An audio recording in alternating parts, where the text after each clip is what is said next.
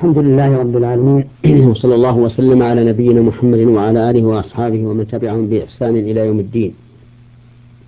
أما بعد أيها الإخوة المستمعون فهذه هي الحلقة التاسعة عشرة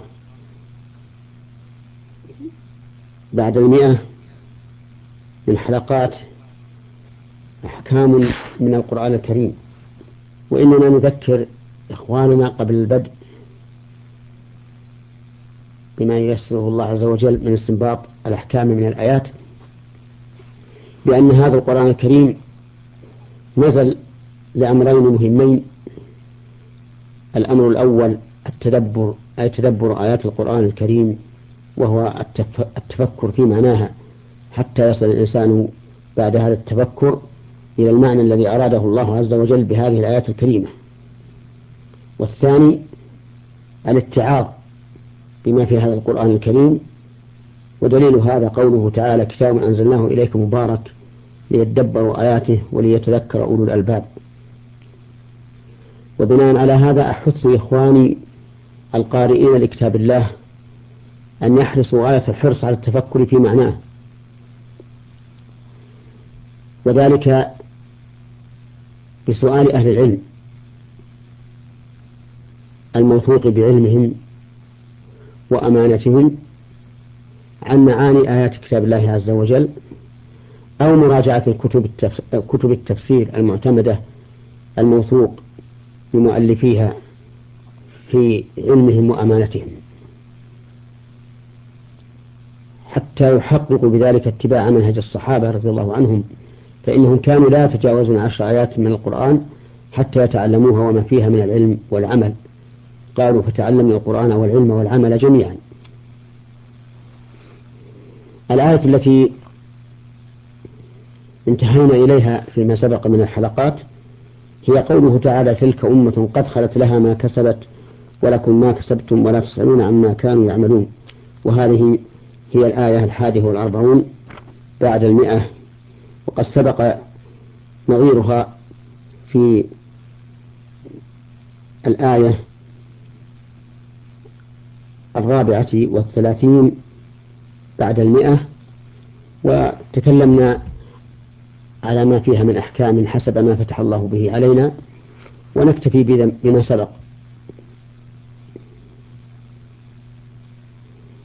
ثم قال الله تبارك وتعالى سيقول السفهاء من الناس ما ولاهم عن قبلتهم التي كانوا عليها قل لله المشرق والمغرب يهدي من يشاء إلى صراط مستقيم. السين في قوله سيقول للتنفيس وتفيد أمرين الأمر الأول تحقيق مدخولها والأمر الثاني قرب وقوع مدخولها. والسفهاء جمع سفيه وهو من جانب الرشد في تصرفه القولية والفعلية وفي عقيدته أيضا. لقوله تعالى ومن يرغب عن ملة إبراهيم إلا من سفه نفسه. ما ولاهم عن قبلتهم التي كانوا عليها؟ يعني أي شيء ولاهم؟ أي صرفهم عن قبلتهم التي كانوا عليها. والقبلة التي كانوا عليها هي بيت المقدس. فإن النبي صلى الله عليه وعلى آله وسلم لما قدم المدينة صار يتجه في صلاته إلى بيت المقدس نحو ستة عشر شهرا أو سبعة عشر شهرا. ثم أمره الله تعالى أن يولي وجهه شطر المسجد الحرام أي الكعبة كما سيأتي في الآيات إن شاء الله. فرد الله سبحانه وتعالى هذا الاعتراض من هؤلاء السفهاء بقوله قل لله المشرق والمغرب فهو مالك المشرق والمغرب وله أن يتصرف في ملكه بما شاء حسب ما تقتضيه حكمته البالغة. يهدي من يشاء إلى صراط مستقيم وممن هداهم إلى صراط مستقيم. هذه الأمة حيث هداهم إلى القبلة الأصيلة الأصلية وهي الكعبة. ولهذا قال شيخ الإسلام رحمه الله إن الكعبة كانت قبلة الأنبياء وأن حرف القبلة إلى بيت المقدس كان من تصرف أتباع أولئك الأنبياء. وعلى هذا فالصراط المستقيم الذي لا اعوجاج فيه هو اتباع الكعبة المشرفة. في هذه الآية من الأحكام والفوائد علم الله سبحانه وتعالى بما سيكون لقوله سيقول السفهاء. ومن المعلوم أن الله تعالى بكل شيء عليم وأن علمه سبحانه وتعالى بالأشياء محيط بها جملة وتفصيلا. وعلمه سبحانه وتعالى أزلي لم يسبق بجهل أبدي لا يلحقه نسيان. ومن فوائد هذه الآية وأحكامها أنه لا يعترض على شرع الله إلا من كان سفيها. وذلك لأن السفيه لا يعرف الحكمة ومن لا يعرف الشيء لا يرتضيه. لذلك سوف يعترضون على ما سيفعله الله عز وجل بل على ما سيأمر الله به من الاتجاه إلى الكعبة. ومن أحكام هذه الآية أن النبي صلى الله صلى الله عليه وعلى, وعلى آله وسلم كان يتجه قبل أن يؤمر بالاتجاه, الكعبة كان يتجه إلى بيت المقدس.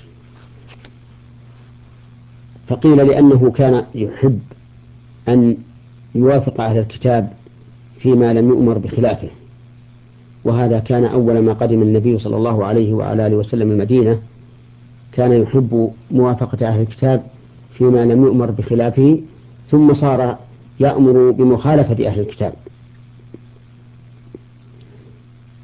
ومن أحكام هذه الآية الكريمة وفوائدها عموم ملك الله سبحانه وتعالى لكل شيء. قل لله المشرق والمغرب فهو المالك لكل شيء وهو المتصرف فيما يشاء بما يشاء عز وجل على ما تقتضيه حكمته البالغة. ومن أحكامها وفوائدها أن الهداية بيد الله عز وجل فهو الذي يهدي من يشاء إلى صراط مستقيم.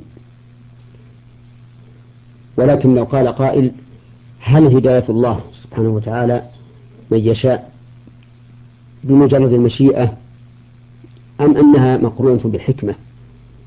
فالجواب على ذلك أن نقول بل إنها مقرونة بالحكمة وما من شيء يحكم الله به إلا مقرون إلا مقرون بالحكمة. سواء كان ذلك الحكم الذي حكم الله به شرعيا أم كونيا.